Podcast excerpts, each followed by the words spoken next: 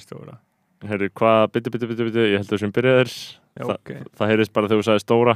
Já, Þú Katja varst að tala um stóra dæmið almennt. Já, auðvitað, auðvitað. Ég var að tala um Katrín Jakobsdóttir uh, fórsættisræðara Já. Þú byrjaðir að spila uh, spila gamla gamla viðtal okkar við hana hérna upp úr iTunes, já, er í gegnum Bluetooth sem fór í gegnum rauðkasturinn og inn í hirtntólu mín. Við með þetta Shit, já. Og þegar maður átt sig á því þá Mhm. er bara að stökkva mm. Það er bara þannig. Að því enginn er óumdildur í stjórnmálum allavega ekki til. Ég held að- hérna, Ég held að hún sé að tala um flokkin hérna sko. Það var líka viðtalið Stengri Jóð sem er hættan alltaf Í Silurunni horfur á það? Nei, ég var ekki á það. Uh, Hann er aldrei kongalegur nema í svona viðtalum þar sem hann er svona á persónulegum nótum sko.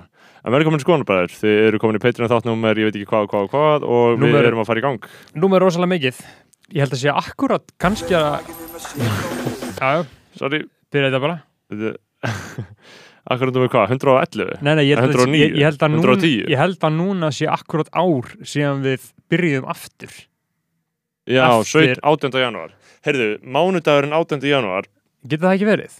Logi Bergmann skrifaði greinum það í mokkan um helgina að mánudagurinn 18. janúar, þar að segja sá mánudagur sem við erum að taka þetta upp á uh, fyrsti, nei, þriðji mánudagur nýs árs uh, að hann sé vísindarlega lélegast, leiðinlegasti uh, mánudagur ársins veistu hvað? Af hverju? þriðji, þetta er sagt uh, vísindarlega sannað að engin dagur á árunni getur verið verri, af því einhver hefur sagt bara gert einhverjar einhverjar, einhver ferðarskrift og gera einhvern mann einhverjar rannsókn á því bara vísindarlega að þetta sé, þú veist það sem við skuldum mest veðrið er verst, myrkrið allt um líkjandi umferðin er verra allt einhver langri tíma og þetta er bara einhvern veginn reiknað út að þessi þriðji mánudagur fyr- fyrst nýju ári sé versti mánudagurinn, en ég er ekkert að upplega þetta Nei, alls ekki. Mér finnst ekkert, ég, ég get ekki skilið að hata janúar. Ég skil það mjög vel að hata desember, november. Næ, ég skil Janúar- samt alveg að janúar, februar séu verstir, sko En Þá ferði einhvern veginn, þú veist, að... Ég á vinn sem er skamdegistunglitur sko og hann er alveg skamdegistunglitur Já, já, ég er líka skamdæðistungur. Já, en ég meina, þú veist ertu skamdegistunglitur? Ég man þegar ég var eh, þegar ég var lítill krakki á að að tala við önnu frænka okkar uh, Skalk sem þá var í melaskóla og við vorum í Vesturbæðaskóla Mm. og uh, við vorum að tala um það þegar maður þurfti að mæta í skólan, þú veist, að maður þurfti að mæta 8.10 eða 8.20 eða 8.30 eða hvernig Allt sem og það var fokkin snemt. ógæðislega snemt uh, ég man ekki hvort það hafi verið einhver smá munur á því í melaskóla versus vesturbæðskóli uh, vesturbæðskóla er náttúrulega heipaskóli uh, og þá sagði hún sér sagt já, ég meina við uh, þú veist, og við vorum bæði krakkar hún er 99 og ég er 97 ég hlýta að hafa verið í, þú veist, ég veit ekki fintabæk eða svettabæk í grunnskóla eða eitthvað. Og ég sagði við hann að hún var að segja, já, við þurfum kannski að mæta aðeins setna núna í skamdeginu þú veist, að- það er skamdegi Mm. uh, og, og ég sagði, já, já, við erum ekki með það við erum ekki með Við yeah, erum we ekki don't have með- that. Nei, við erum ekki með skandi og Nei. hún var eitthvað uh, hvað Já. hva mennir hún? Hún var tveim árum yngri en ég sko en þetta er samt svo fyndið að því börn skilja stundum ekki orð sko uh, og ég bara vissi ekkert hvað skandi var. Það er alveg að hugsa að skamdegi sé bara eitthvað svona setjum og gerir skóla Já, ég, Það hljómaði eins og eitthvað svona skamdi já, bara eitthvað, svona, eitthvað sem þau væri með sko. Mhm. uh, ég man eftir þessu. Maður man alltaf eftir sko minningarna sem að verða eftir eru þegar maður er niðurlagur sko. Þegar eru erfiðar uh, svona mómenta sem maður gerir sér að fýbli eða hvernig sem það er sko. Já. hún var alltaf tveim árum yngri en ég og var eiginlega ekki tækt að ég væri að flaska á þessu sko. Nei, skamdegið, já, vinnum minni skamdegið þunglutur, hann þarna er mjög þunglutur á þessum tíma sko. Uh, og að það er mjög fyndið að fylgja Ég held að na, uh, flestir almennt séu bara almennt þunglindir mm, en svona í skamdeginu er það verra a- a- a- líka aðeins auðveldra að leifa er bara að vera þunglindur sko. sko, ég held samt að, að þú veist, að því að við, við erum bara ekki með neitt hlut í réttu perspektífi út af þessu koronaviru ástændi, sko, þú veist, það, það er bara Já. ég var að hugsa í gerð, það er eiginlega allt og það er mjög óeðlegt að vera ekki að fucking drepast einmitt núna, sko Mhm. uh, En það er nýtt þáttur og við erum ferskir þó að þetta sé versti mánudagur ársins. Uh, við ætlum að fara yfir nokkur uh, mikilvæg mál. Það er, Akkurat, við erum kominir í nýstafni á okkur, við erum mótið jákvæðir, við erum mótið glaðir já, og við erum konum með hugsunum því ég vil búa í góðum heimi. Já, já, Uh, við erum og- reynda, við vorum að uh, taka JP hérna í gær, það Mhm. var heldur gott sko, næsti gestur, það var líka heldur gott sko, Petrun menn fá náttúrulega að vita því að Gunnar Smári, uh, Communist Overlord, Mm. Það verður gaman að tala við hann. Hann er svona, uh, hann er búin að ranna mjög gott content á YouTube sko. Mm. rauðaborðið og allt svona sko. Það verður gaman að fara við málið með honum og, og, og, og síðan fór ég að hugsa svona stjórnmálulega sér, ég ætla að spurja hann úti að ég mun þóra ef mann, mannum uppi af því að allir er alltaf uh, svo, ef maður nefnir hann þá segja margir svona fúskari eða svindlari, skilur eða scammer eða eitthvað svoleiðis sko, Já. hann er með eitthvað svoleiðis, svoleiðis óorð á sér sko. Uh, sem að ef að hann, ef það er ekki að dressa þá einhvern veginn bara leiði það út frá sér og allir svona halda, vita eða ekkert almennilega fyrir hvað sko, Já, þannig að mér finnst að hann ætti að taka bara Be Rabbit á þetta. Bara fyrsta sem hann gerir. Og þá Be Rabbit eins og uh, karakternans M&M í 8 mile þegar hann er í, er í síðasta batlinu sínu og byrjar uh, batlið við þess að hingurinn sem var bestur á því að segja allt um sjálf sem hann geti sagt. Mhm. You know what, I am a fucking bum. I do live in a trailer with my mum. Og bara hrindi því öllu frá sér og þá getur ekki sagt neitt. Og mér finnst þetta áhugavert af hverju sko pólitíkusar eða bara svona fólk sem er al almennt að gera, gera eitthvað sé, ge- sé ekki bara svolítið að beita þessari taktík af því að uh, ef þú segir þetta um sjálfa þá getur engin annar þá getur engin, þá getur engin annar uh, sagt það með sko. mhm. Ég er að að finna B-Rabbitina Já, getur þú fundið á YouTube? Já, pa Papa Doc. Og hann kallar hann Clarence. Nú er setið gangin í salin sko. Gjallan að horfa á hann. Já, There he is, come on. Hann er að fara på svið. Clarence parents have a real good marriage.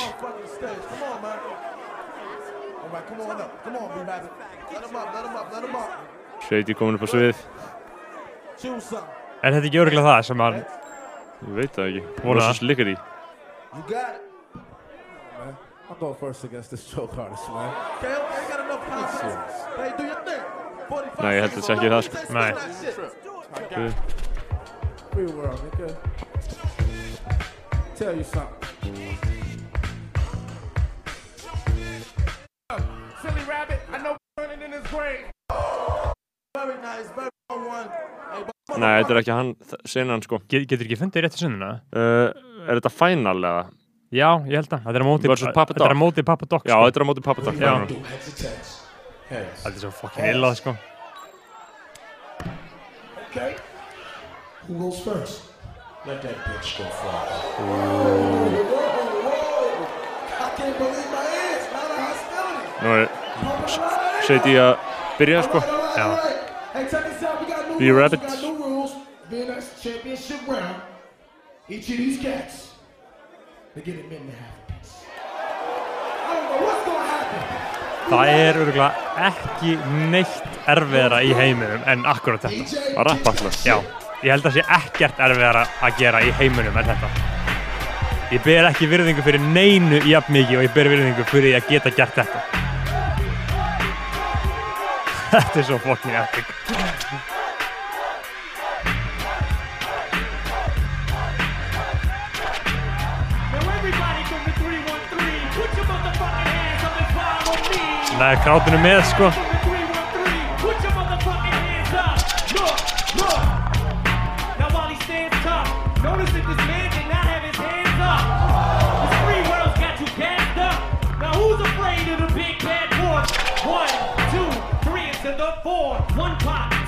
three pop, two pop. Hann er að benda á þá í krátinu vinnans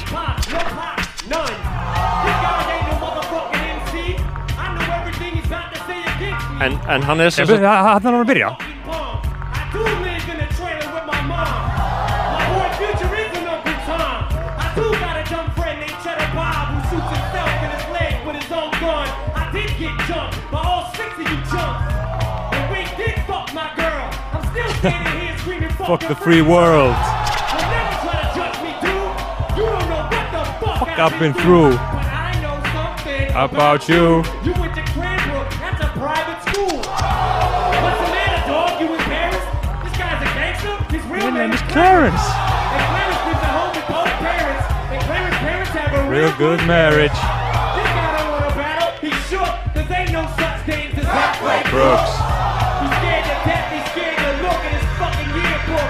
Fuck Cranbrook. Fuck a beat. I go a cappella. Fuck a Papa Doc. Fuck a clock. Fuck a trailer. Fuck everybody. Fuck y'all if you doubt me. I'm a piece of fucking white trash. I say it proudly. And fuck this battle. I don't want to win. I'm outie. Here, tell these people something they They don't don't know, about, me.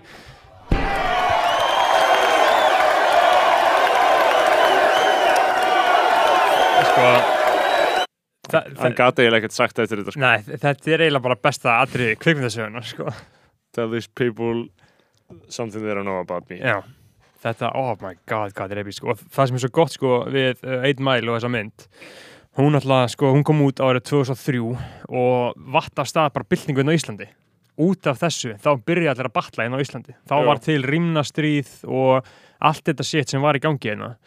Og það sem mér fannst einmitt svo áhverð að ég, ég tók viðtal við DNA og Deluxe, Dóra og Danna uh, og þeir þeir voru að tala um það. Veist, þeir, fóru, þeir moppuðu bara í hópferð á 1 Mile og þetta var bara það illaðasta sem þeir hafðu nokkuð tíman séð Já, af því að þeir sagan kemst til skila á svo ógeðslega sterkan hátt með, með öllu þessu. Og eftir þetta fóru þeir bara strax bara og stopnuðu bara eitthvað krú og byrjuðu bara að batla. Og byrjuðu bara að æfa sig og æfa sig og æfa sig og æfa sig.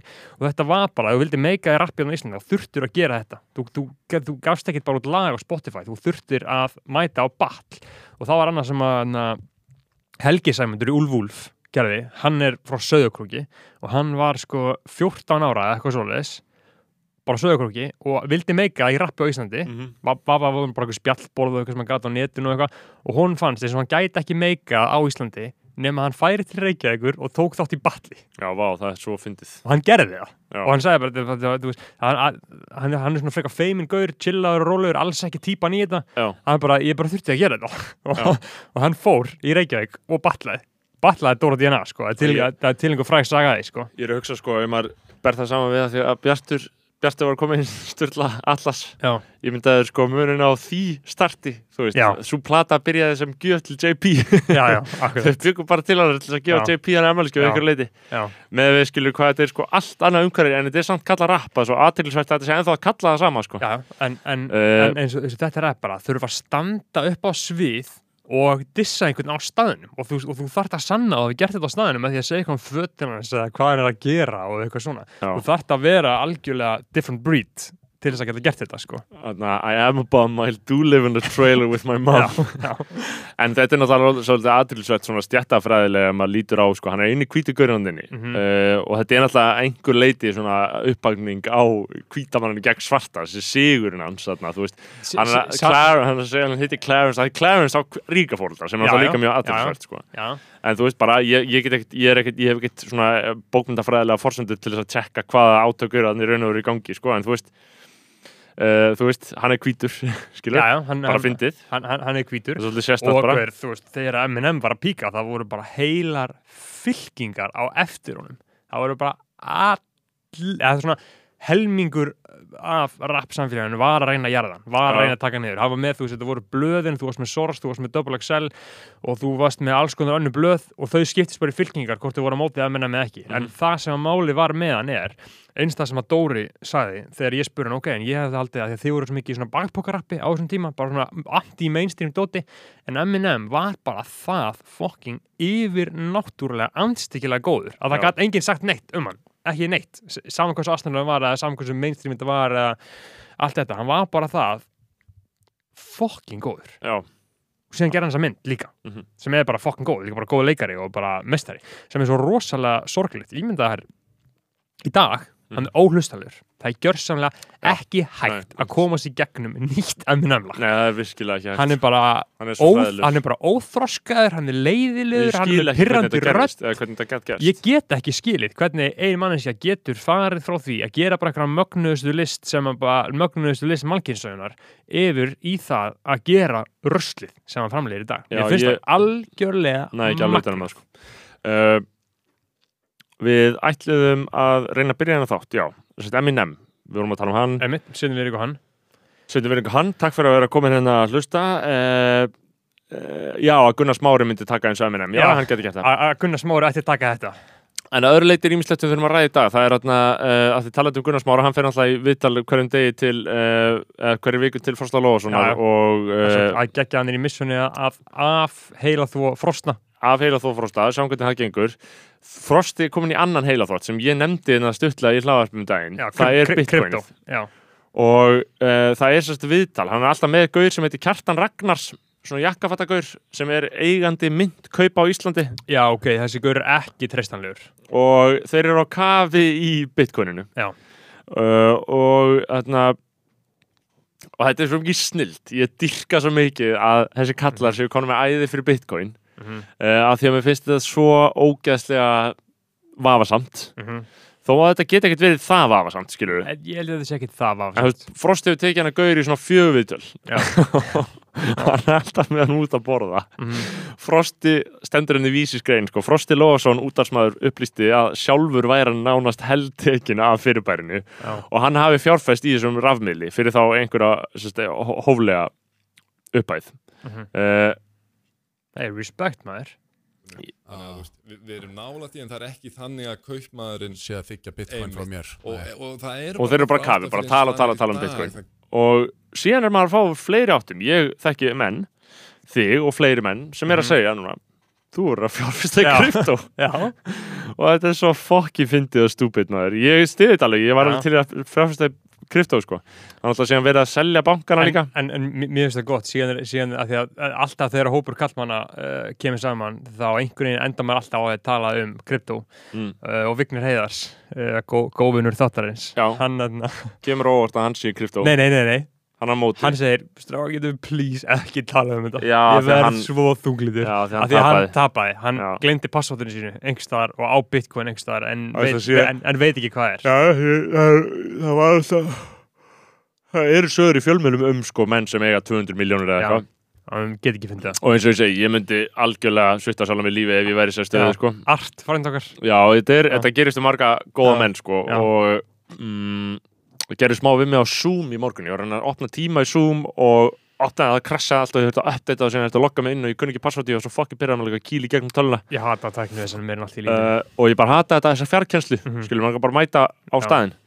Um, en eins og sé, það verið að selja bankana. Uh, skoðanabræður uh, taka þá afstöðu að Sko, ég ætla bara að segja ég veit ekki nógu mikið um hagfræði og hvernig bankar operita og nákvæmlega hvernig þetta uh, allt fyrir fram, þannig að ég ætla Nei. ekki að tjá mig um þetta uh, nema að ég bara veit nema að ég bara veit að ég presti sömu fólki fyrir að spjalla með þetta, sko uh, en, en, en skilur banki í ríkisegu, er það ekki bara fínt dæmi? Veist, Ég held ekki, að það sé bara veisla Já.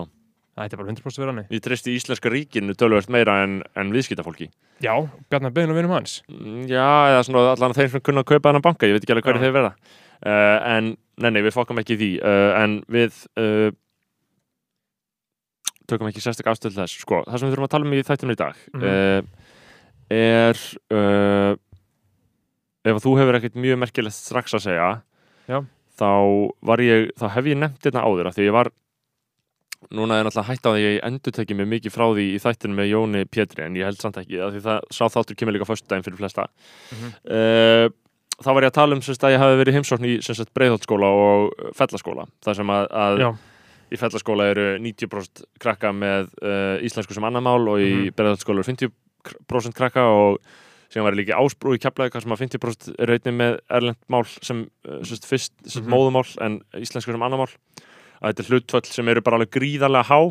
Uh, það myndi mig á grein uh, uh, það myndi mig á grein sem var sem sagt að Unnur upp úr einhverju risastóra rannsókn um Já, það var gerð, það var, var gerð rannsókn sem var sérst á dreifingu efnahags og mentunar auðs meðal fóreldra í skólakverfum höfborgarsvæðisins frá Já. 1997 til 2016 uh, og og sérst munurinn á hverfum er svo mikill, samkvæmt þessari grein Mhm. að uh, ég fletti þess aftur upp til þess að, að rifja þetta upp. Og þau voru að segja, í stuttumáli eru tvær tegundir af auðugum hverfum. Þau sem eru ríka tekjum og eigum annars vegar og þau sem eru ríka mentunarauði hins vegar.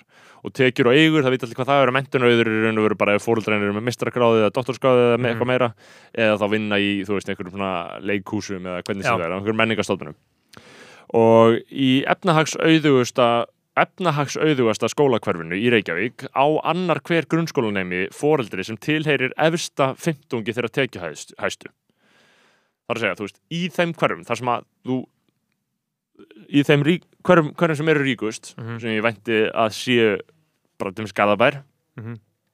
þá er annarkor krakki í skólanum með á hann fóreldra sem til er efsta 20% á Íslandi sko. krakki, já, Já, ímyndaðu hvað það er fucking mikið já, það er rosalega mikið af því að síðan í sem sagt uh, í sem sagt uh, fátakastakverfinu uh, þá uh, eiga sérst 5% krakkar svona Mhm. fóreldri Einmitt. þú veist þannig að þú ert með fucking mikinn mun á fátakasta og, og ekki fátakasta og það sem þessi rannsóknir segja er að þetta er bara ekst og ekst og ekst og verður bara, þetta er bara algjörlega orðið að fórnalamb sjálfsík já, þannig að þú veist, þú ert bara 100%, kom- 100 komið hverfi sem eru bara ríkar ríkari og hverfi sem eru fátakar og fátakar þetta er náttúrulega bara eitthvað sem borgar pólitíkin þarf bara algjörlega að taka á, skilja, hugsaði ég. 100% uh, að því að þetta er náttúrulega býr til og sömulegðis að blanda svona innflytjandamál inn í þetta. Mhm. eða, það, eða þetta verður svona bara á útlendingakvörum og fátakastkvörum þá bara er voðin vís, sko. Virkilega víst, þá endur við bara eins og Svíþjóð. Eins og ég er búin að lesa Karl Ove Knauskart, norsku reytihöndur skrifa um Svíþjóð, hann býr í Svíþjóð. Já. og hann hatar sænsku millistjættina meir en allt í lífi sinu, sæ- sérstaklega fólk sem vinnur í ykkur menningastofnunum og hvað heitir hverfið hann að Ringabí eða eitthvað svoleiðis sem Ég- er í ég- Stokkólmi Ég, ég veit ekki, en hann lísti bara Svíþjóð þannig að þú veist, þetta er bara þannig að útlendinga búi í einu hverfi uh, þeir sem að vinna uh, í listum eða við menningu búi í einu hverfi fjármálafólki býr í einu hverfi, þetta er bara apartheid allt það bara eru Já. allir í sínu einn echo chamberi Einmitt. fullkomlega í gegn og fátakafólkin er bara hrúa saman í einu, þú veist, allar, allar félagsýtbúðnar eru byggðar á einu stað Mhm. þannig að það myndist bara og þá væntalega koma glæpir eins og það, og þú sér alltaf uh, svona miðflokks uh, út á sögu fólk, Mhm. alltaf að tala um þessi glæpa hverfi í Malmö og þetta sem að, fólk, sem að ekki inn í sko Já. Uh, það er út af því að þeim eru alltaf hrúa þannig saman og, og ég er ekki til að segja að þetta sé rétt að ekki inn í skilur en þú veist uh, mikil vanlíðan og eimd og fátækt á sömum uh, á sömu í sömu hverfinum og þá náttúrulega fer fólk að uh, preja á hvort, annað sko já. og það getur bara vel gerst hérna á Íslandi Nei, það er síðan ef, segir ef, það er ekki hann nú þegar ég náttúrulega, ma maður þekki það ekki, maður býr ekki hann sko. að því síðan sko á einhverjum ástæðum þá tilgreinaði ekki hvaða hverfi við verðum að tala um en ég býst við því að þetta sé það er að gera ráð fyrir þessi breiðoltið og galabær Breiðholti versus Garðabær Já. og uh, Vesturbærin versus Garðabær nei Vesturbærin versus Breiðholti Já. en síðan segir þau sko í einu hverfinu bjó- býr sem sagt uh, sem sagt í einu hverfinu býr eitt af hverjum fjórum börnum á heimili þar sem mentun foreldris veitti tákgrænan mentunar auð þú veist, þá eru foreldræni kennarar eða þú veist í Í- einhverju í- kerfi eða þarf eða eitthvað svona eða svona það sem að, veist, það sem að, ment, þú veist, að staða foreldræðins veiti þér eitthvað já. menningarlega þýðingu eitthvað svona Mhm. í einu hverfinu þá bjó, sérst, e- 25% barna á þeim stað Mhm. og í versta hverfinu í, í því tilliti búa sérst, eitt af hverju 32 sem er svona 3% Vá. sko. já, pæði því maður og þannig að þú ert bara með hverju það sem að bara engin fóreldri, ekkert fóreldri basically er já, með slíkan status sko. Er og ég gerir ráð fyrir að þetta endi í vesturbænum og miðbænum og þar sko. Já, ég meina í 100%. vesturbænum þegar þú veist, maður mann bara hvernig þetta var í hagaskóla þetta, vor, þetta var Bara bara le- börnleikara le og, leikarabötn og ráðherrabötn og, og- þingmannabötn og bara og eitthvað svona, kennarabötn sko. og þetta, þetta er náttúrulega alveg gríðarlega mikið mál sko. Þetta er alveg meira hátta mál hvað þetta er mikill munur sko. Mhm. og ég hef ekkert löstina hérna í fljótu bræði sko, en þetta er svo þetta, er svo, þetta, er, þetta hefur svo slæm áhrif á samfélagið þetta verður svo mikið klíku Já. samfélag það sem, að, það, sem heitir á ennsku bara social mobility þú veist, það sem Mhm. að reyfanleikin á milli stjætta og status er Mhm. ekki mikil það sem að það er bara eina glufan sem fólk úr öðrum hverfum og öðru umhverfi hefur til þess að Mhm. aðlaga sig að því umhverfi sem síðan er einhver svona Mhm. menningarelitu viðbjóðslega uh, einhverju rungringir er, er mentskólar, þú veist, þú getur stokkið inn í mentskóla og þannig og, en það, það, það er alls ekki sjálfsagt sko. Alls Eh, ekki sjálfsagt, þú- hér, hér, hérna er eitt sko sem ég hef svolítið verið að uh, hugsa um í líka í til dæmis bara raptónist. Já, að maður tekur til dæmis bók eða bara, þetta, er smá þar en þú tekur til dæmis bara bókmyndir eða kvikmyndir, þú ert ekki að fara að sjá neitt þú veist, á Íslandi búa 10% pólverur og litáar, skilur, Já. þú ert ekki að fara að sjá neitt skrifa bók og vera tilnefndan fyrir eitthvað hérna, þú ert ekki að fara að sjá neitt fara viðtali rúf sem frá Pólandi eða lit, litáin eða þú ert ekki að fara að sjá neitt gera bíómynd sem að er þaðan, eða, eða, bara við- úr við- við læ, læ, lægri stjættum, skilur, við höfum ennþá ekki séð neina svona raunverulega stóra hreyfingu af til mis innflytjenda bókmyndum eða eitthvað svona Nei, ekki, ekki neitt, en það er líka kannski bara að þetta er svo nýtt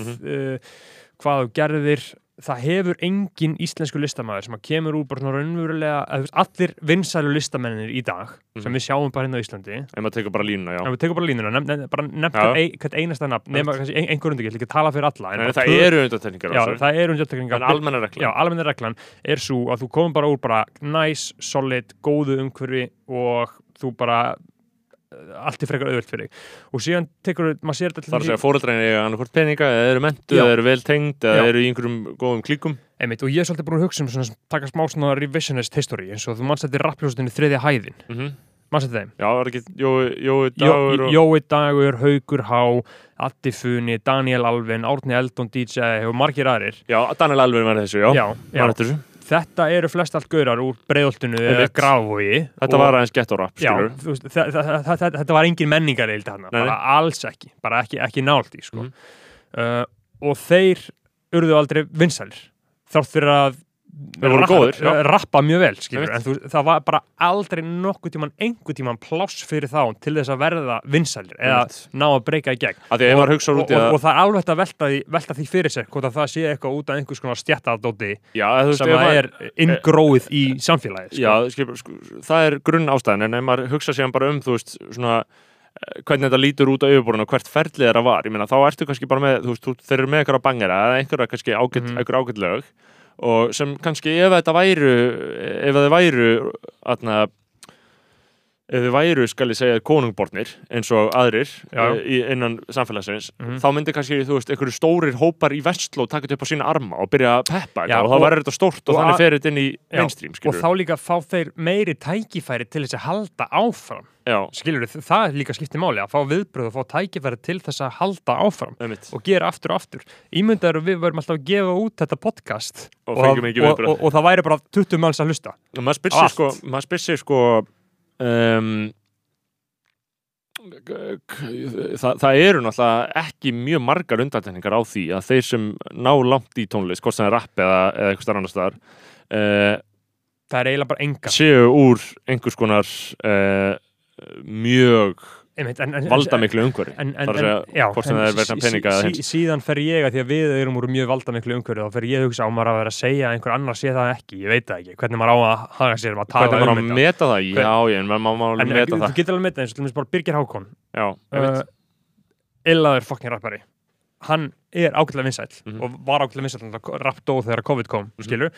og hann bara, ég tók viðtal við hann í kraftbyrðiglómi Guðursins, ég mæli með að allir hlusta á það er bara eitt besta viðtal sem ég teki á Mhm. æfinni, sko, að hann var bara að segja frá bara æsku sinni og hvernig hann lifur og hvernig hann var í, ég held að hann hafi verið í sjö mismundi grunnskólum, skilur bara alltaf að flytja um og átti bara bara átti er- erfið æfi og fór síðan í eitthilvæðnislu og þurrkaði sér síðan upp og núna bara helsti draumana sem að vera besti rappar á Íslandi Mhm. sem ég trúi alveg að hann geti gert ég bara trúi, trúi fullkomlega því að hann er ógeðislega hann er undantekning frá þessu sem við Já. erum að tala um já, það, það, það, það er undirtekningin Mhm. skilur, og, og síðan náttúrulega líka maður, ef maður er að tala um þetta, þá svona stjætskipningu þá er líka munur á sko alþýðumúsíkinni og menningareildi músíkinni sko, ef ég segi svo svo að uh, held þú þessi líklega að herra netismur sé að fara að vera- vinna íslensku tónlistafölun, hann har aldrei gert það. Hann har aldrei unnið, Mm. af því að þau sem eru þar það, þau sjá bara herra netismur, dæman fyrst á nafninu sínu, hlusta síðan á og þetta er bara svona poppað, ógeðslega vinsælt og það er ekki sensamun eitt með að vinna. Mm. af því að það, hann, hann, hann fær ekki samþykki í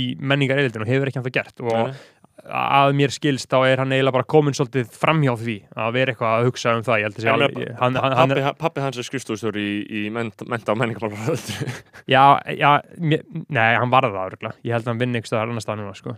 Býtu? Jú, já pappans var ráð þeirra, framsvakarflóksins Já, ok, nei, það er frændan Já. sem er Já, það, það Já. er alveg rétt, það er frændan sem er núna aðna, Já, Já, við, erum en- við erum að tala um en- Hann er en- Árni Páll Árnason, eða ekki? jú, Páll Óðarsson, já, jú.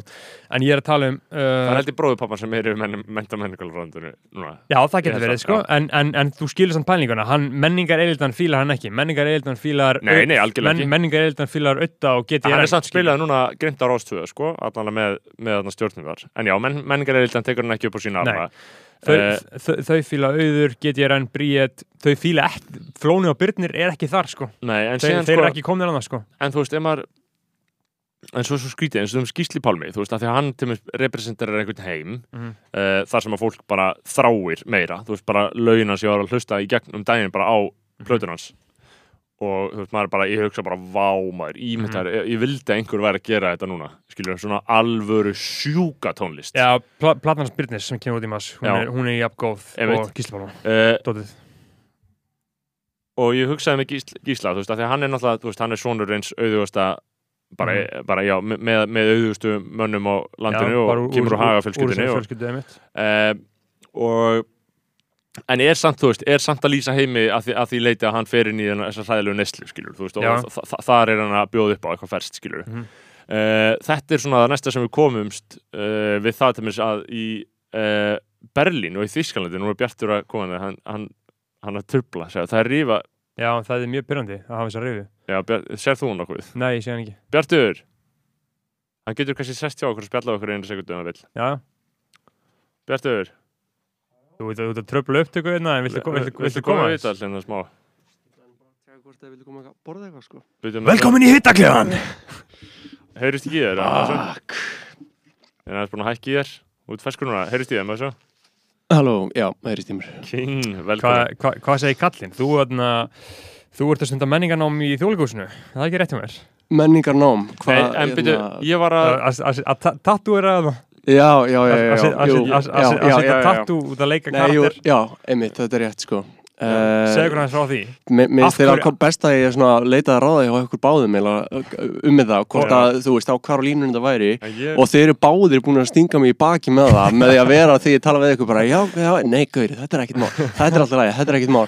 Og síðan eru þið alltaf að segja í þessum þætti að, að, að ég hef aldrei tekið þetta fram í það. Ég hefði til aldrei ég hefði aldrei sko breyta upp að þessu gerði sko. ég vil drepa málið sko. En ég meina, ég er bara, hvað, eins og að sé eitthvað gem í mál þetta er einu vettvangurinn sem að þetta hérna en hefur þú kemur inn, ég, þegar þú kemur inn þá var ég að fara að nefna að í Þískalandi til dæmis þá eru rapparar uh, langstæsta rappdæmi þar að einhverju leiti eru tyrkir.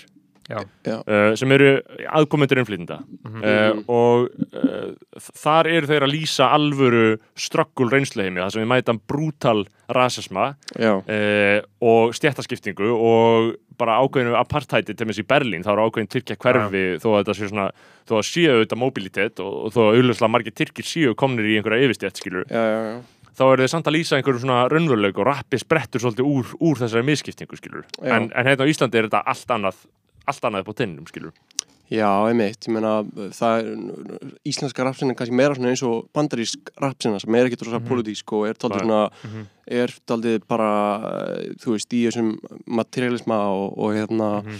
og bara daldið svona, þú veist meira fókusað á bara einhvern veginn að það eigi að vera skemmtilegt, sko. Já, en, en þú veist, já, ég, ég veit það ekki. Ég er náttúrulega alls ekki vel að mér í þýsku rappi eina sem, Nei. aðalega sem ég En- veit um er bara eitthvað uh, Jón Húrun og eitthvað þannig, sko.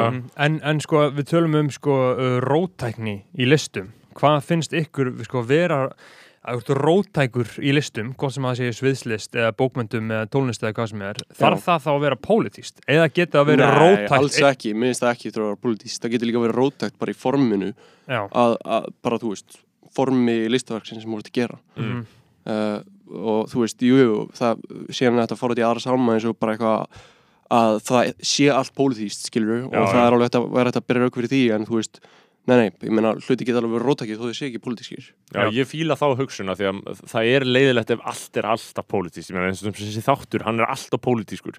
Ég vildi að við gætum talað um hluti án þess að vera pólitíski stundum, skilur Það er samt svo það er svolítið Þa, erfitt. það er aldrei svona, já, það er kannski aldrei erfitt, ég meina skoðan á bræðum, konceptið er, þú veist, að það Já, séu skoðanir og Mm. skoðanir eru, þú veist, skoðanir eru pólitík. Mhm. En, er það en, ekki? Jú, Jú, er en- skoðan, já, skoðanir eru pólitískar. Skoðanir eru pólitík. nema og sérst svona það eru til mjög mikið hlaðarstáttum sem snúast bara um þú veist, það eru jafnvel bara svona mjög svipaða fígúrur við, en þá eru þið bara að tala um hvaða matur er góður og hvernig er gott Já. að setja saman einhvern rétt á einhverju skyndibitastað og rífast ekki að mikið ástriðu um það, vitið Já, hvað við tala um já, já, en ég meina, og það er hræðilegt, skilu, það er whack af því, af því að ef, við- ef við tölum um samkeppnin okkar eða þú veist, tveir kallar að tala saman skilurðu, já, þá, þá, erum margir. við að- já, þá erum við að tala um Herra á hugin Mm. Arnar og Gauti og eh, Dóri og Bensi og Dóri og Bötti Mm. þeir eru allir í, í, og í alveg sölvi líka þó þú Þannig veist, séð. já, þannig séð, en, sko. en, en skiljið bara svona kallar að tala saman uh, allir þessi þetta sem ég nefndi þeir eru e- ekki pólitískir jú, Arnar og Gauti, þeir tala öruglega eitthvað þeir, eru eitthvað pólitískan en þeir, sko. já, Ég meina, ég held að- bóttið, sko Herra og huginn, þeir snestur örugglega ekki mikið á pólitík Nei, þeir, það er ekki séns að þeir snerta pólitík, sko. En ég meina, síðan er líka bara, þú veist, ef við ætlum að fara, þú veist, eins og segðum eitthvað svona að, hérna, allt getur verið pólitík, ég meina, það getur náttúrulega verið ekki að pólitík að tala, þú veist, að vera með þessa ærandi þögn, Já, skilja. já.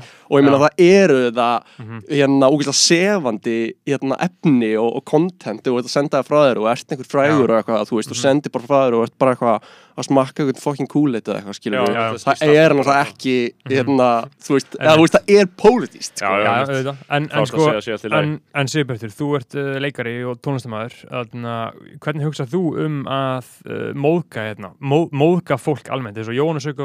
eins og hann svífurt í þjóðleikúsi hann svífurt í Bíóparadís, hann svífurt í aðra Já. leikara, uh, hvernig hugsað þú þetta sem svona uh, í miðpunkti Það- men, menningar eildunar í Reykjavík, þannig séð Já. hvernig, hvernig hugsað þú um að uh, geta tipla á tánum sagt eitthvað raunverulega eins og það er en á sama tíma ekki móðga fólk. Hugsaðu mikið um Ég, þetta. Nei, ég hugsa alls ekki mikið um þetta.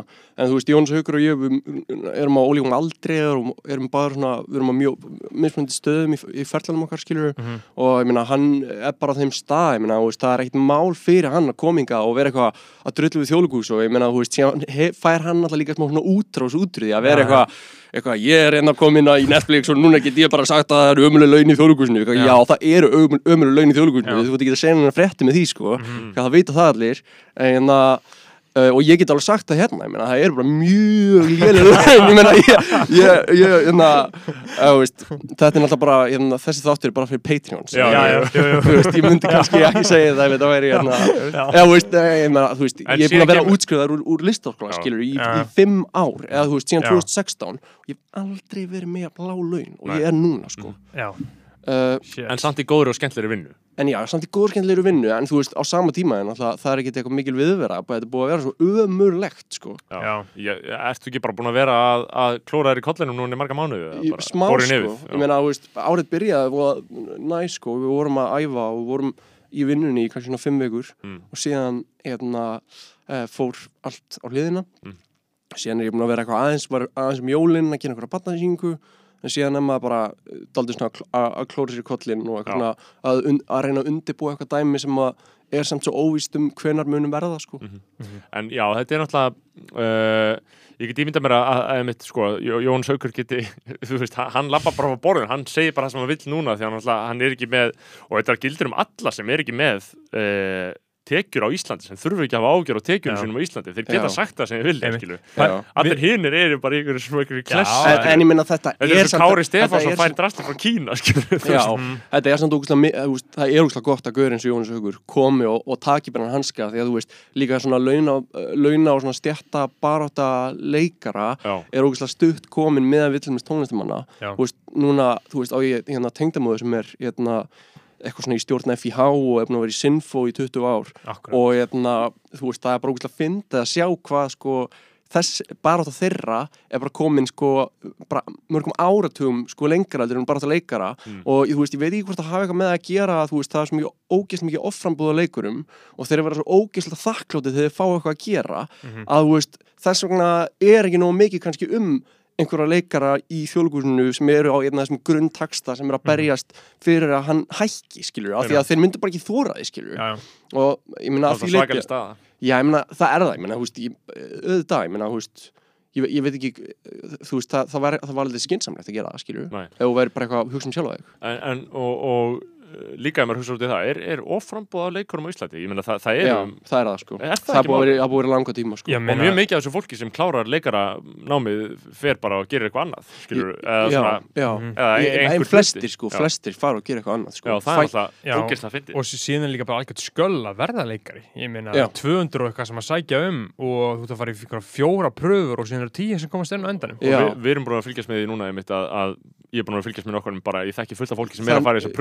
einhverjar fjóra pröfur og síðan eru 10 sem komast inn á endanum og Já. við, við erum búin að fylgjast með því núna að, að ég er að ég er að eru... Hérna, eru að loka. loka já. Já, við erum að byggja fyrir okkar manni sko við erum Já, byggðað fyrir alls konar fólki sem, annars bara, veist annars færið bara rýtingin, fegst þú ekki rýtingin? eða? Ég, ég, þegar ég var í, ég í MH og sótti um og, og fekk rýtingin, sko. Mhm. Uh, og það var, og það var svona mannlega mikið eins og væri bara svona einna, endurinn að alheiminum sko en síðan var það bara mjög næst fyrir mig sko. Ég meina ég var bara, tók eitt ára sem ég fór að gera eitthvað annað og fór í ferðalag og eitthvað þannig sko. Já, Söður Ameríka já Suður Ameríku sko. No homo, we smoking penises. Já, handjóks en, en sko uh, hvað, ég ætla að segja eitthvað vorum að gott tala um á, á þessu, þessu eh, nótum sko vorum að tala um leikar offrambóðið Já. að flestir færi að gera eitthvað annað. Já, já, já, já, já, nei, nei, já, það sem ég ætla að segja er að svo fyndið að maður er sko hérna á þessum aldrei eitthvað að klára mentskóla og sérstaklega núna þegar mentskólan stýttir eitthvað 18-19 og hérna og þú veist, við ölumst ógst mikið, mikið upp í því, því umhverju að það er bara eitthvað þú veist, allavega ég allan, á þessum aldrei, bara eitthvað ég bara, þú veist, ég er ekki að spá í peningum, skilur Mm. ég er ekki að hugsa um peninga. Og ég er bara að hugsa um bara, þú veist, hvað er eitthvað sem er skemmtilegt og hvað er eitthvað sem að, hérna, þú veist, eh, eitthvað what's your passion and dreams, eitthvað, og Já. eitthvað you gotta follow your dreams, eitthvað, maður er bara með þetta inn í sér, sko, þannig að maður fer í eitthvað svona dæmi eins og eitthvað, já, ok, ég ætla bara að leikari sem maður bara, ég sé alls ekki eftir og er bara geggjað, en þetta er kannski eitthvað sem, þú veist, hérna, er því að þú veist, ég meina, þú ert 18-19 ára, ég meina, þú hefur ekki hugmynd um hvað það er ógeðslega ömurlegt að vera leikari á Íslandi. Og ég meina fast forvart, þú ert orðin eitthvað 28 ára skilur Já. og það er bara eitthvað, já, ok bara ég þurfti kannski bara að fara að skrá mig í sálfræðina. Eða Já, þú veist, já, bara eitthvað þetta þetta er auðvitað ekki að fara að gerast hjá Já. mér. Og síðan ertu bara vel umurlegur á því sko. En, en, en það, sem, það sem er svo gott við að vera leikari að því að náttúrulega bara Hollywood uh, hann úti, þú veist, Hollywood er bara þú veist, eins og þið segja, in the business of selling dreams, skilur Já. það er allir með að vera leikari, veist, það er svo eða, það er svo mikil möguleiki eða það er hægt að meika huge og þá meika alvöru. Og, fi- og dálítið svona fyrirvara löst sko. Já, það er einhvern veginn öðruvísi en þú veist í eitthvað tónlist eða einhver svona dæmi. Þú veist, það hefði það hefði, veist, enginn hefði fucking gískað á að Jónsökur væri Einmitt. að fara hérna, að vera bara einhver Netflix kongur uh, og þú veist, að það gerist bara hlutir í þessum bransa gerast svo ógeðslega random. Já, og við sjáum líka bara eitthvað fullt af dæmi um fólk sem náttúrulega bara sko uh, þú veist, færi ekki hann rosa mikla success fyrir að orða miklu eldra Akkurat. í svo sko. Það er þannig, þú veist, þú getur meika hvern sem er sem leikari og eins og þú segir sko í tónlistinni, þú ætlar að meika í tónlist, það er fucking vel á bakvið. Þú þú þarf þarft blötu fyrirtæki, management, publishing Já. túra, og þú þarft eiginlega að vera undir þrítugt sko. Já, já, þú þarft að vera ungur og ferskur sem er náttúrulega fucking fyndist. Já, Já, já. Eh, nema þú sér tónskáld eða eitthvað svona það já, við erum, sófisti við erum að tala um það, eitthvað svona pop, Eitthvað að vera boring, eitthvað popfígúra Já, sko. vera bara alveg fersk popfígúra Já. Ég, ég veit ekki hvort ég hefði sjálfur til mest haugar í að vera einhverstaðar í einhverju umhverfi þar sem að pros, það er algjörlega prospekt að ég bara algjörlega verði það sem heitir bara misætnaði leikari þú veist, það bara, ég geti verið bara að maður geti verið bara 60 og bara, Missefnaði leikari ég veist, að, að, að skilur, ge- getur maður verið misætnaði leikari er einhver sem er bara, veist, það er auglöslega skilur, Já, já. let's be real það, Já. það, það, það er auglöslega til Það væri skilurðu. vond lí að koma með því að Já. nútaka Nei, nei, það er ekki til Já, Já, við værum mjög jákvæðir þá, sko, við erum á Patreonina, sko, Já. þú veist, það er til og maður veit alveg af því og, en þú veist, það er ekkert eitthvað margir sem hann er dettur í auga því að auðvitað farið er náttúrulega bara í eitthvað annað og fara að gera eitthvað annað, skilur, en, en ég, veit, þú veist, að það sem þú ert að tala um, skilur, að maður fer, þú veist, maður er fullur af einhverjum æsku móði þarna þegar maður byrjar einhverjum, einhverjum leiklistanámi eða listnámi yfir leitt bara, hvort sem það er Mhm. myndlist eða tónlist eða uh, le, leikstjórn þessuna eða Já, hvernig það er, bara almennt list byrja maður ferskur og allt er að gerast og maður er í einhverjum svona, einhverjum kreðsum skilur Já, og svo þróast lífið og þá er þetta bara orðið vinna og þú er sko með börn og á meðan Mhm. aðrir eru bara konum með einu og hálfa miljón á mánuði þá ert þú ennþá bara, eru hvað, er þetta ekki að fara að ganga upp já, ég meina þetta er martrækjent situasjón Já, þetta er martarækjandi situation og líka, þú veist, og líka þó að þú fáir eitthvað að gera, skilju þú sért komin með eitthvað annan fótinn inn í eitthvað leikhús og sért hérna ef þú ert ungu leikari, skilju á bara hérna, farið ekkert fastræningu fyrir að vera í þrjú ár samfleytt hjá, hjá stofnunni, sko. Þannig að, veist, meina það sem blasir við þá er bara ok, ég útskrifast bara næs, ég fæ eitthvað að gera. Uh, ég fæ hérna 12 mánuða starfsamninga eða hvað sem það er. Og það þýðir bara eftir 6 mánuði þá er bara hálft ár eftir á samningum mínum og ég er bara farin að svitna yfir hvað er að fara að gera hjá mér á næsta ári, skilju og, og, hérna, og síðan kannski fæ ég ekki vinnu og þá bara, þú veist þú veist að vera með alla ángar og svo mikið úti og ætlar að láta ganga, skilju þú verður bara að sækja þú veist, þú verður að sækja vinnuna. Það er bara svona eitt af mikilvægast held ég við að, vera líka bara svona ef þú ætlar að vera ungu verktæki á Íslandi þú veist, í listum þá verður maður, þú veist, alltaf svona átt sig á að, að verkefni er ekki eitthvað svona sem kemur til manns, heldur er þetta alltaf eitthvað sem þú er að búa til. Bara eitthvað, hérna, ok, ætla ég að vera leikari þá verð ég að, hérna, uh, hérna bara hald, halda öllum mögulegum mínum opnum, þú veist, þá verð ég að fá innkomu líka frá því að talsetja eða hérna, leiki bíó eða þú veist hvað sem er. Mhm. Og sækja verkefnin, ég held að sækja verkefnin, Ég held að þetta sé líka bara satt á öðrum sviðum Þú, það bara er það sko öllu, að vera að sko. ringja í fólk öllu. og bara hei, þarna, ef þið eru með eitthvað að gera þá er ég þetta, þið vitið af mér, senda Já. posta, senda CV hinga og þanga og Já. bara vera alltaf í einhverjum hræðilegum networking Já, og, og lí- annars rotnaru bara einhvers Já. stað sko. Já, þetta, þetta er sko, sorry, að ég grýp fram mér, ekki mál hérna, þetta er eitthvað sem er svona smá held ég ábútavandi í leikaranámi á Íslandi sko, og það svona, eru svona ótrúlega mikið leikurum held ég íslenskum leikurum, mentaðir Já. sem eru ekki að vinna við kannski eitthvað sem tengist listum sko, en síðan þú ferð til útlanda skilur og ferð í einhver svona góða leikl í útlandum, þá er þetta bara hluti af náminu og það Framkvæm, er, framkvæmda hliðin já, framkvæmda hliðin og Pó- Pókasókn 101 já, pókarsókn 101 og og hvort hvernig á það að reyfa svo á pókasæðinu hvort sem þú tala við, þú veist, krakkar sem, hafa- hafa sko verið í námi í bandaríkjunum eins og Mhm. bara hérna Alli Óskar, íslensku leikari sem er í námi í LA Allir 1, 2, 3 Mhm. Alli 1, 2, 3, þú veist, hann hérna, hann fær bara uh, þá leksu bara allan skólan bara, þú veist hérna, ef þú ert leikari þá, þá hefur enginn skilur tól til að æfa þig eins og ert söngvara og getur sungið til að æfa þig skilur Mhm. þú getur verið einn heima þér eitthvað þyljup verður bara þannig að að verður að að vera bara já, vera, með fullt hlutum í gangi og vera bara að vera bara, ok, ég vil leika þennan kartir þannig ég ætla að skrifa svona handrit og, og þú verður bara að vera bara sjúklega hérna, Mhm. Mikið að, að einmitt, reyna að sækja þetta sitt sko. Allir, allir, allir, allir 1, 2, 3 svið deadname eða allir hati það núna að Nei, Ég veit það ekki, Ég- nei, ekki, þið ættu, þið, þið ættu sem ég að fá alla Já, ég veit það, ég, ég, Það sko. þekki hann ekki, en það er ekki alveg fint, sko. Já. Er hann ferskur eða? ég meina hann bara, þú veist hann, er bara mjög feskur hann að leika með Sigga í, í, hérna, Í Borgó, eða? í, í sumarljósmyndinni Já, já, já, einmitt, hann Já, har leikið því nice, nice. En sko það, sem ég var að segja sko með uh, svona tækifæri og allt svona það er að sækja pókana sjálfur skilur Já. Pó, pókana við saman hvað sækja sig og djúsnum við saman hvað drekku sig og allt þetta sko Já. uh, Það sem er búið að vera versta við COVID á mínum vandi, bara Mhm. það allra versta er að uh, er fullkomið tækifæra leysi pókarnir eru mjög fáir Já. sko síminn ringir ekki Nei.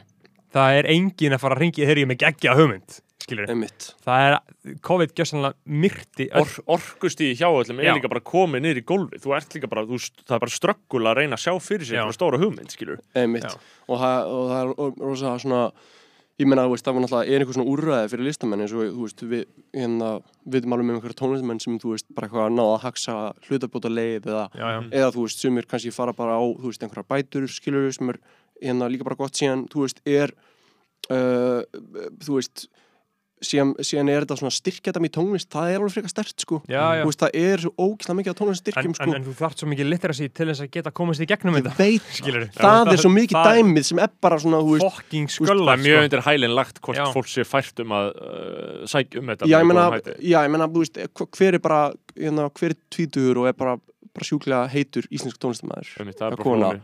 Það er bara, eða flóni, segjum bara flóni. Ég meina, þú veist, Friðrik Robertsson, hann er ekki fara að skrifa hérna umsókn Nei. fyrir hljóðrættsjóð sem að, þú veist, er, eða, þú veist, hann getur gert það, skilur Já, já, en hann þyrfti að mjög mikla hjálp, skilur Já. frá snorra, til dæmis.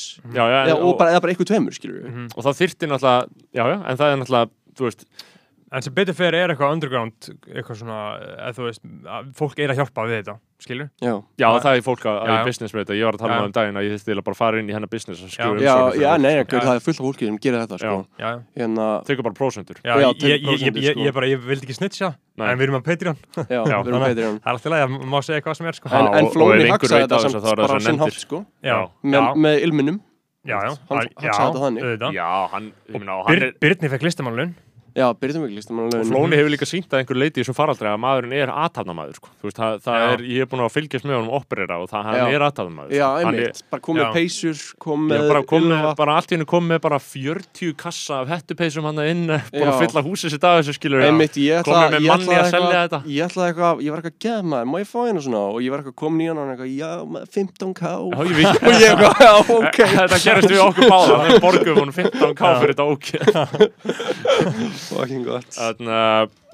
en uh, Herru, ég, hérna, ég, ég var reitt sem ég langaði til þess að ræðin í þettinum ég var hérna, uh, ég er svolítið búin að vera að kynna með Rússland, ég er svolítið komið með áhuga fyrir Rússlandi Mhm. uh, og er svona búin að vera að skoða hitt og þetta ég er náttúrulega þannig að ég, ef ég er að lesa texta frá Rúslandi eða íslenska þýðingar eitthvað rúslensk texta og það kemur rúslensk nafn þá hætti ég að skilja textan sko. Já, ég, bara, ég skil ekki neitt rúslenskt ég, bara, ég, hef enga tengingu við það sko. ég byrjar að elska allt rússnest sko. Mm. uh, og hérna, þetta var endur á einsku Uh, ég lest það bara hérna upp fyrir ykkur. Þarna var sko uh, Rússland fyrir byltingu Mhm. uh, ára 1900 þetta var bara pessant þjóðfélag. Þetta var bara geðsjúkasta ofbeldisfullasta stjættaskipting sem hefur þekst í Já. heiminum. Það var Nikolas Annar eh, keisari Já. sem var bara Cesarin. Já. og bara oppi alheimsins Mhm. við erum að tala um það að fjórir af hverjum fimm voru ólæsir peasants í basically, basically þrælar sko. Já, uh, og þetta náttúrulega lendir til þess að allir eru rosalega hjátrúafullir mér finnst það eiginlega að finnast að Rúss, Rússland er með mjög svona fræga hefð fyrir það að vera hjátrúafull og eitthvað svona. Mhm. það ég ætla bara að lesa það hérna. Uh, in A People's Tragedy, the British historian Orlando Figes describes a primitive world in which every aspect of life was governed by a relentless conformity. Everyone wore the same clothes, everyone's hair was cut in the same way, everyone ate from the same bowl, everyone slept in the same room. Draumur þinn snorri. Uh, modesty had very little place in the peasant world, Figes writes. Toilets were in the open air, and urban doctors were shocked by the peasant custom of spitting in a person's eye to get rid of stæs sem, sem, sem er sem sagt svona Stæs, eh, svona stýra. stýrur sko, Já. maður hrækja augun okkur uh, of feeding children mouth to mouth. Og við núna kemur besta and of calming baby boys by sucking on their penis. Sko, er þetta satt ekki bara einhver svona förðulanda lýsing er þetta bara eitthvað bull? Er þetta alveg eitthvað- sagfræði já, þetta er alveg sagfræði Vá, hvað þetta finnir Ég dýrka að sem sagt, þá bara fyrir byltingur í Úslandi hafa allir verið þrollaðir á því. Já, bara, já, einmitt. Já, Mér finnst þetta að finna sko And calming baby boys by sucking on their penis Það voru líka alltaf einhverja sögur um að þetta hafi verið gert svona eitthvað að miðöldum í Þískalandi einhverja svona, einhverja svona badnapýr hafi verið að gera þetta við drengin ég, ég held að þegar maður heyrir svona sem strákur sko, þá, svona, það kveiknar í hverjum eina kartmanni svona, einhver svona mjög svona vond, svona ónóta tilfinning. Og það er allir svo óvissir um svona, hvort að þeir eigi einhver svona tippa svo þeir eru litlir. Hvort einhver hafi tókað í tippið á þeim eða eitthvað svona Þetta er svona, þetta er minnir mig á líka sko þarna, hann í Succession uh, bróðurinn þarna, Róman. Já, já, þegar hann var með Jerry. Og hann var að segja bara þú veist, og, og hann var hann að lýsa sko einhverju fantasíu fyrir held ég konu sem var að reyna að hjá. Hann gæti Já, já, vennilegri já, já, konu. já. já. Og hann var að segja bara getur þetta verið eitthvað smá rátt já, að sagði þú sést dáin já, eitthvað, var, var að byggja hann um að deyja já áfengistöða þetta getur þetta verið eitthvað smá rátt Já. bara svo ógæst að finna spurning sko. Já, ég, held- ég held að, einmitt, og menn hugsa líka sko eins og klassíku kommentin þegar kemur alltaf svona, alltaf kannski nokkra mánuða millibili og kemur alltaf frétt um að einhver kvenkins kennari hafa verið að banga nefndur já, og það er eitthvað, hvað, fílaði hann ekki bara þá, þá er alltaf þá er alltaf góðin, hvað voru þessir kennara þegar ég var í skóla? Ég dýrka það sko, mér langar að vita meira um Macron og kennan hans eða. Já. hver er munur, hver er aldursmunur ná? M- Macron, Fraklandsfórseti ásins að 17 ára eldri konu, eða ekki? Er ekki 17 ára? ha, í Ég er að googla hérna, Macron teacher wife, það er Brigitte Macron, hún er fætt sko 1953 uh, og hann er fættur 1977 what? hún er 24 árum eldri 24 árum eldri Jesus Hvernig Eh, byrjuðu þau saman, stendur það? Og það var in high school that Emmanuel Macron and uh, Brigitte first met. He attended her literature classes and she was in charge of the theatre class that he attended. Pæli því maður. Their romance was not typical as she was his senior by almost a quarter of a century. Wow. Og, og þau voru að fela þetta. Þau voru, þetta Já, það já, 25 ár. Já, og hann var sko í, í þá high school sem var bara L'école L'école L'école og þarna, eða Lulisi, ég maður ekki hvað þetta heitir en þarna þetta er svolítið mikill munur. Hann er þetta er mikil fórseti munur. Hann Já. fórsetis ráðra já, maður er vanur þessi í hinn áttina þú sendir mér náttúrulega gæran að Monica Bellucci og Vincent Cassell Já, sem er svona að- alheitasta par Fraklands En- sögnar sko. Sko, að Já, það, hún er ítölsk. það er myndarna frá 2002, Irre, Irreversible. Já, irreversible. Það sem hann er, þú veist, það sem er einhver nauðgunarsena það sem hann nauðgar henni, sko. Já, það er Eh, bara svona, uh, þú veist, ég held að það sé almennt, ég held að það sé sena, sko. almennt talin, bara svona ein ógæðslegasta sena, Já, sko. sú sena, já. Þið getið googlað, þið getið googlað bara, þú veist, Irreversible rape scene eða eitthvað og þá sjáu þið þessa senu og þetta er sjúk sena, sko. Aðna, og þau voru En hún var síðan eitthvað ósátt við þetta, ekki? Nei, nei, nei, nei, nei, það þau er- eru, þau eru góð, sko Já, Já. og hérna, þau eru hætt saman, sant já, þau, þau skildu fyrir einhverjum nokkrum árum, sko, þau kynntust á settinu fyrir hérna Lega Paktum á, sem er, sko, eiginlega svona uppáhalds, hérna, Hvað það, 97 eða evrópska 98 eða kvikmyndi hvað mín, sko. Hérna, já, 90 og eitthvað, sko. Uh, early, þú veist, þau eru mega ung og þau eru svo ógeðslega falleg og Mhm. síðan var gerð þannig amerísk eftirgerða að þessari sem heitir Já. Wicker Park sem Einmitt. gerð Chicago sem var eitthvað alfræðileg Mhm. Mm, en síðan, þú veist, einmitt þau leika hana hjá Gaspar Noé, ekki Gaspar Noé sem gerir Gaspar Irreversible? Sem og ég held að þau séu bara þétt á þau. Ég veit að þau voru bara einhverju vinir. Ég hort á einhver svona viðtöl við bæði sko, Einmitt, já, ég, þegar þau eru að tala um þú veist, tala um hann og, og ég var með þannig, eitthvað að googla sko, ég var með eitthvað að googla, googla um þess að senu þar sem þá hún sagði sko Mhm. eitthvað svona, þetta hefði verið eitthvað, svona, eitthvað hún hefði ha- haft fulla stjórn. Þetta er ekki einu þessum senum þar sem allir segja að hafi verið alvöru nöðgun, eins og var einhver kvikmyndasena ég man ekki hvað það, Það var Marlon Brando. já, eitthvað þannig sko. Marlon Brando, þetta var eitthvað, það var ekki beint alvöru nöðgun, heldur var þetta eitthvað, Eitthvað eitthvað. ég ætla nú ekki að fara að smætta það eitthvað, eða þú veist, hann Mm. gekk eitthvað aðeins og langt og Já. le leikstjórun og Marlon Brando viltu ekki hætta kon eða eitthvað konspæruðu Ég eitthvað gegn henni, þannig að hún Já, vissi ekki alveg ég held eitthvað. að það sé bara ógæðslega mikið af svona tilvögum sko, í bara við erum að horfa á kvikmyndir þú veist sérstaklega frá þessum tíma sko. Bara eitthvað 50s, og, sko. ég, En meina, þessu- og, og síðan líka bara eitthvað þú veist að horfa á einhverja bondmyndir frá 90s skilur það er alveg bara, þar er maður líka bara fuck Já. en þú veist í Irreversible þarna, þú veist, að því það, það er, sé- er, heldur hann sé að ríðin í alvöru ja? þú veist, gera þið það í kvikmyndi þú sko, ert leikari, þau, tala, þau það? tala um það í viðtali, er það ekki? já, er að sé hann bað, hann hafi verið að byggja þau um að gera það í alvörunni og, og þú veist, já, ég, þú veist, þú ég er ekki sem frá þú sko. er þetta gert í. Nei. Er fólk að ríða í alvöru? Fyrir að Nei. lítið, þetta ekki? frekar lítið, já, En- veist, ég held bara ekki, sko, Já. þú veist, þetta er hérna í Tr- Lars von Trier myndinu, Antikræst, þá byrjar Mhm. hún á hérna, virkilega svona, hafa ekki séð hana, Nei, Nei, hún byrjar svona virkilega intense senu, sko, svona kynlífsinu, hérna, Willem Dafoe er að leika, man ekki hva, hver konun er og þau eru bara svona í sturtu að, að svona kynlíf og síðan allt í hennu bara kemur bara svona close-up bara eins og í klámi Mhm. bara af bara limnum að fara inn. Og hérna en þú veist, eins og þá skilur við, ég var bara, maður var bara í sjokki bara ég er þetta þau, skilur við Já. en þú veist, öruglega ekki öruglega einhverjir Já, doubles einmitt, hvort Mhm. eitthvað doubles hafi látin stýra, stýra limnum Já, minn En ég meina, ég held að það væri líka í flestum tilvíðlum væri það bara mjög skrítið að, að þú veist að það myndi einhvern veginn atvikast að þau væri farin að, að bara leikararnir væri farin að gera það í alvegni Já, því að sko það sem ég náttúrulega sé ekki sem áhórandi er að sko, ef þú ert að taka upp senu sem eru tvær mínútu þá eru það tökur upp á eitthvað fyrir fleiri tíma sko, maður ímynda sér alltaf þetta sé alltaf bara eitthvað one take Já. dæmi Já. Einmitt.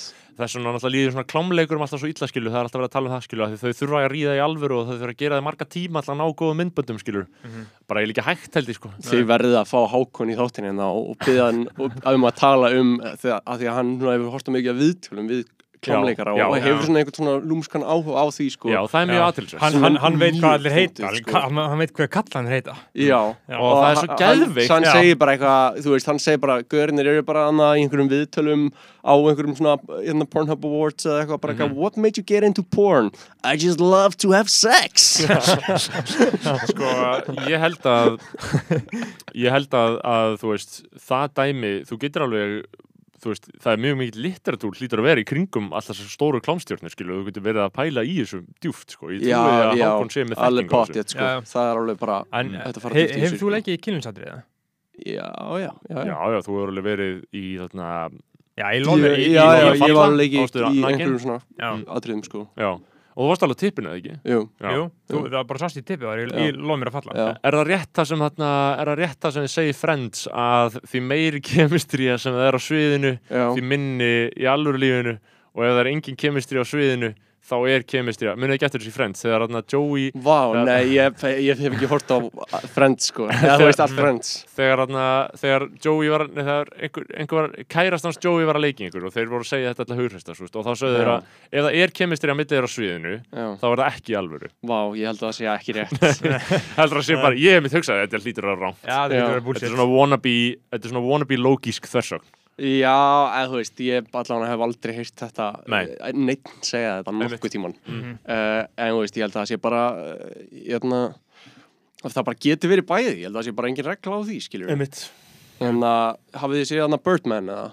Já, Nei. Þegar hann, hann getur aldrei, hann er líka svona, hann getur ekki stunda kynlíf og síðan hann eru þau á sviðinu og þau að vera í kynlífsatriði og hann, Já. Edward Norton og allt í einu æðist hann gett mikið og bara gera mig alveg, gera mig alveg svona ógeðslegt, já, já, já. ógeðslegt moment sko. Og hún er eitthvað að þú veist reyna að stoppa hann og það einhvern veginn gengur ekki og síðan fara áhörðundi ekki að mikið að hlæja því að sá, sjá hana með bónir og eitthvað svona, Mhm. þetta er eitthvað svona moment sem maður svona allt er sér að fara böndunum. Já, maður sér fyrir sér líka að þetta er eitthvað svona sem hefur gerst aldrei oft, þú veist, í eitthvað svona, eins og þú ert að segja, eitthvað svona Marlon Brando, eitthvað svona, þú veist, er að leiki sér senu og síðan er allt í hennu eitthvað svona geðið að gerast og þau stoppa og hún er eitthvað, hvað, hvað er þetta að gera? Og leiksturinn eitthvað, þetta var geðveikt, meira svona. Leikstjórinn peppast alltaf Já, leiksturinn peppast geð mikið, þetta var ræðilegt, sko. Sko, alltaf í öllu svona þá finnur maður alltaf þegar maður er að googla eitthvað um eitthvað svona bullshit, eitthvað gamalt 90s bullshit eða eitthvað tvo- þú- eða svona 80s eða 90s skandala alltaf maður googlar, ég veit ekki hvort það hefur lendið þá lendi, lendi ég alltaf á einhverjum svona geðið góðum gömlum Guardian greinum Já, eitthvað svona Guardian grein frá 2000 sem er einhvern veginn bara inn á síðinu þeirra. Já, ég fer svo mikið að hugsa um gildi blaðamennskuna hvað er mikilvægt að sé einhverjir fokkin þunglindi lúsara blaðamenn að skrifa einhverja ömulega langar greinar um svona mál. Einmitt. taka þetta allt saman á góðu Guardian ennskunni sko, ég Já. elska Guardian sko. Það er svolítið mikið King Blað sko. Já. Oft góða, góða samantektir sko. ég er bara að hugsa það núna, Já, ég er bara, ég sko. Ég ég Ég Ég Ég er með sko. svo mikla fordóma Ég fyrir öllum með brest og bara ef, ég hefði brest sjónvarsefni og bara í svæpa bara sko en sko bara, ég er alveg sammála ég, ég, ég, ég er ekki eins sko. ég, á marga vini sem eru svona anglofóns sem elska Breitland og það eru margir sem eru með þessan vírus, Já. elska Breitland sko. Einmitt. ég er bara pro-kanin sko. Já, ég líka, ég er sko, bara ég er prókanin já. Ég meina, og síðan dýrka, ég meina, margir breski leikara sem eru geggjað, ég meina, flestir hérna, þessir leikari Succession eru breskir, En ég meina, ég fatta það bara ekki Fyrir en bara ég byrja að hlusta á þetta pod, Succession podcastið, skiljið það er King að þegar þetta podcast. kongurinn á bakveð er breskur er það ekki? Já, Brian Cox, er, Nei. hann er Nei. íri, Já. sko Já, Já, en- en, hann er er ekki? bara? Jú, hann er úr fucking bænum Hann er úr í bænum sem hérna, Í Sko- í hann á að vera, En, en, en, Sjálf- en, en, Já, einmitt, það er en, epíst en kongurinn á baku þetta er Jeremy Strong, eða ekki? Nei, það er Ja, leikari líka. Jeremy Strong er sko Það kendar er, það er kendar Já, Nei, já, hann og- heitir fucking, ég bara því stólu úr mér Brian, Bara- Brian Cox, Brian Nei, nei, nei, Cox sem Nei, býr til þetta. Já, já, hann heitir- hann hérna hann, hann gerði þarna Hann- Jesse Armstrong. Jesse Armstrong. Já, já, og hann gerði þarna breska sitcomið sem var rosalega fyndið Mhm. þarna með tve, tveimur gölun sem búa saman fyrir þetta sko, en hann var bara svona comedy guy sko. já, einmitt. Eh, Það er er þess vegna er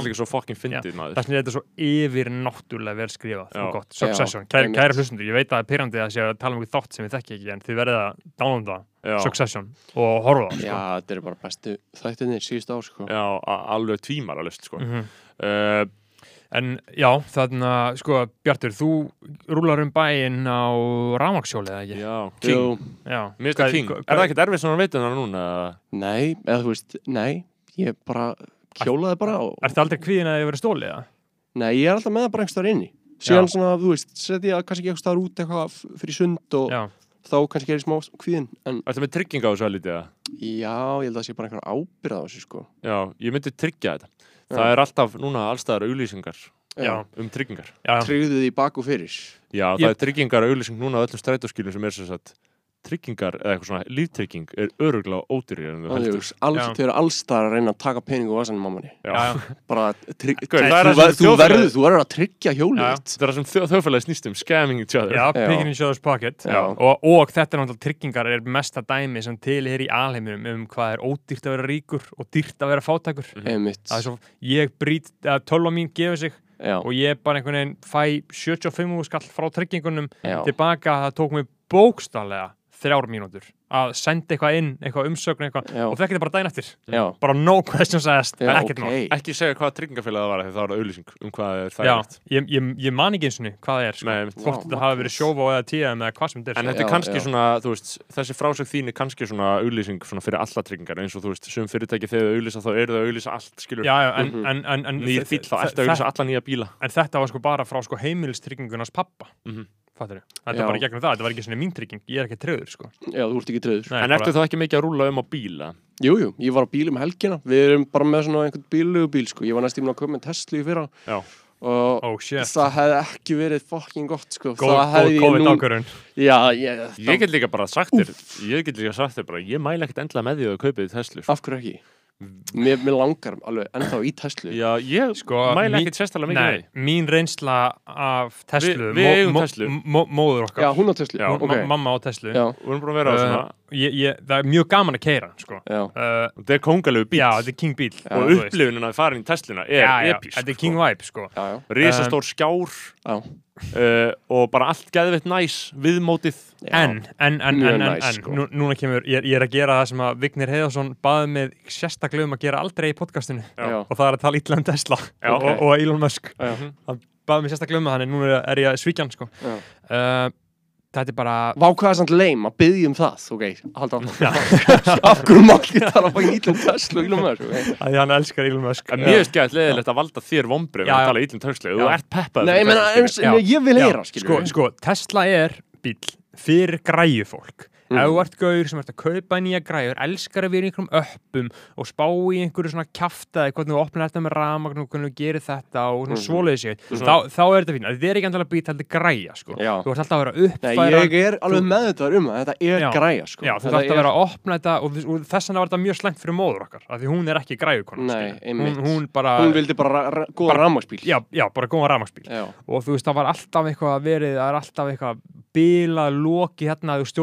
Bara- með einhver app í símanu, allt í hennu tengingin brotin. Ég held að þetta sé einfaldara sko, uh, og síðan er það bara mjög lélugur að keira í íslenskri veðráttu á vetuna út af því að bara er þetta að hafa stjórn á honum eða? Nei, við, við, við vorum að keira heiðina hjá Já, frá staðaskóla á Söðukróki Já. og brjáluðu veðri. Mm. mamma keirði út af ég snorri Já. mamma vorum í bílnum og Ok. hún fór smá út af Já. og þurfti að draga okkur og það var bara algjört sköld, það, og, og það er ekki hægt að draga Tesluna heldur að vera svona lítið hól, hólað gat á fremsta sem þú ítir Já. inn og síðan að sækja annan krók og setja það inn í það og binda það saman og síðan þegar að kongurinn Mhm. frá Söðukróki kom og batt í kringum þetta, þetta litla líkil sem við höfum sett í Já, fyrsta sem að gera var að brotna þið oh, og drafta krókurinn sko, það Já. er mjög alvarlegt að drafta krókur á bílunum brotni sko. Já, þannig að þú veist, þetta var bara svona og ég sá mér þess að þegar þegar ég var sko heimisverðin Tesla um daginn að, að það er eitthvað, síðan maður þarf að kaupa líka sérstaklega skilur. Ef þú þetta er kaupa Tesla og bara, bara 150 skall, viltu fá dráttarkrók, Já. skilur, sem brotnar síðan upp á heiðinni. Og já, gaur, það, það er það gerðist. Ég, þú veist, ég myndi alveg mæla með Tesla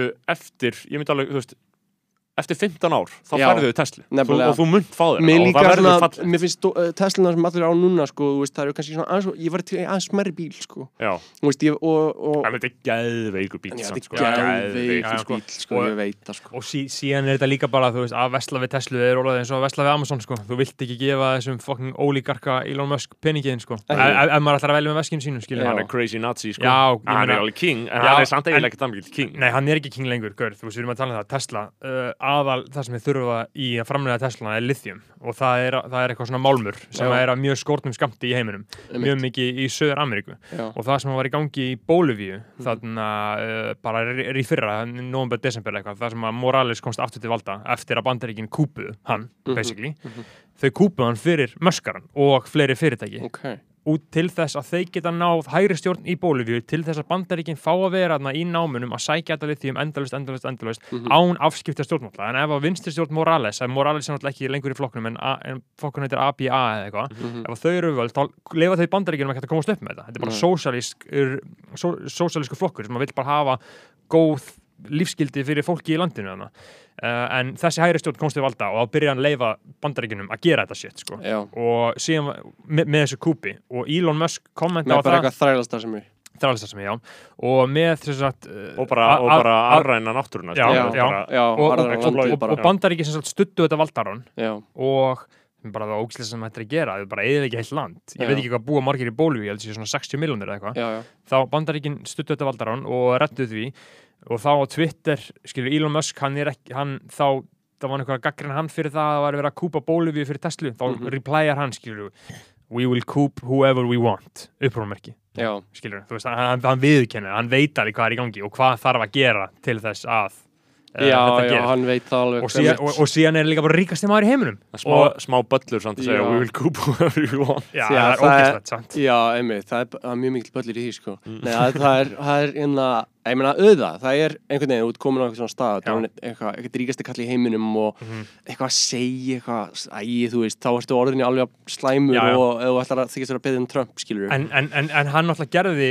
rosalega gott með því að gera Tesla svona góða þá leta hann hinn fyrirtækin líka framlega rafbíla sem Já. er náttúrulega mjög gott sko, þótt að við eigum náttúrulega verið að hugsa um almenningssamgöngur en ekki Tesla og rafbíla stöðlis að bjarga þessu Mhm. en þá er samt þetta skömminu skára sko. Uh, og ég veit heldur ekkit um það típi sem að setja svona uh, fókusin til þess á möskarinn og hvað hann er vondur og eitthvað svona en síðan geta einhver fórstjóri Toyota, eða Hyundai eða Pusho og verið alveg jafn sjúkir og verið að gera alveg jafn sjúkt þú veist.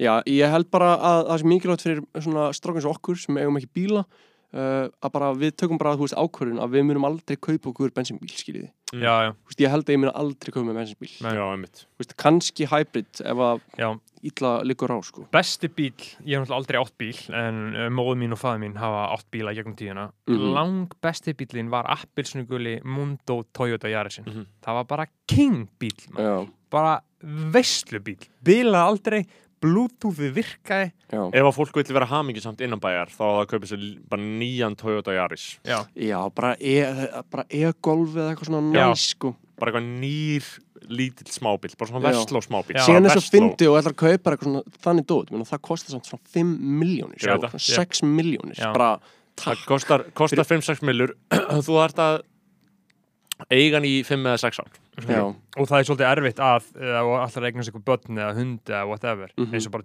Joey var að Su- Su- Það Suzuki voru, bara, Vitara já, sko. það voru bara mjög fín kaup, já, sko. það var hjá bara taktísk hjá ákvörðin þeim, hjá sko. þeim sko. Ég líka bara, ég meina, þú veist, við erum með eitthvað, sko, bílulegu bíl sem er svona lítill Honda E10 ógeð, ógeðslegu bíl. Mhm, já. uh, ég meina ef ég væri uh, komið barn þá myndi ég held ég ekki ég myndi ekki keira barnið um í þessum bíl sko. plastbíl, þetta er úr hann er plastbíl já, þetta er bara ef að einhver klessir vorta á þig skilur Já. þá er bara, þú veist, þú ert bara dead Mhm. Já. hérna þannig að, þú veist, það er allir á svona bílum finnst mér, það er allir á svona litlum bíla bílalegu svona- já, ógeði. já, Já. það er allar þetta, þetta, er, Mér, ég er alltaf leiður því það er að fara inn í hann það, þetta er mjög gott valjú sko. Þetta Ég- er ég- ég- er það, myndi 40 gera þetta. mánuði já, hvað 40 skall mánuð Já. með svona bíl í eitthvað hálft ár það er ekki neitt bæði já, það er rosa næ sko. Nei, já, ég er að segja, ég myndi þarna, ég er alltaf smá leiður þegar ég þarf að fara inn í svona bíl, þú veist, það er eitthvað, hei, þetta bíl, já, við erum á bíl, já, það er svona bíl, já, svona bíl það er alltaf smá svona, að, já, já, einmitt einmitt. Þannig, sko Bjartur, þú ert ekkert mann að koma í heilan þátt, Já, Já. ég ætla að fara fram að borða. Er Já. þið, að, er þið búnir? við erum búin að borða, við, erum búinir bara, Já, þið eru búnir. Hvað- er búin að vera lengi? Klukktíma? klukkutíma á rúman, Já, algjörlega. Já, takk fyrir komuna Bjartur. Bjartur, Já, við, takk. við, þegar, þegar þú byrjar leikosunu þá kemur ég alveg þátt það Já, jú. Jú.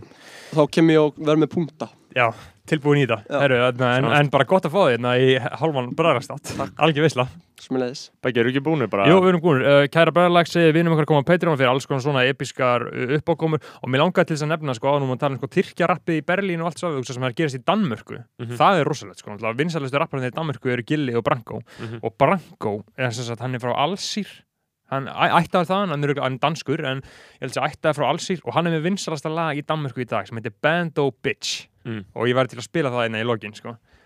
Bando Bitch, ég meina Palli, þetta er vinsælasta lag í uh, Danmörku Bando stendur svo fyrir Abandoned House. Það er mjög mikið ennsku slettum í þessu þannig að fólk gæti að geta að skila þetta. Og þetta er frekar gott lag. Uh, segir við erum okkar að koma á Patreon, bye bye Burkade, nu er det forskud tom Lavede første mille før jeg skrev første rin Lavede en ejendom på min ånd helt alene her Vi er den bando bitch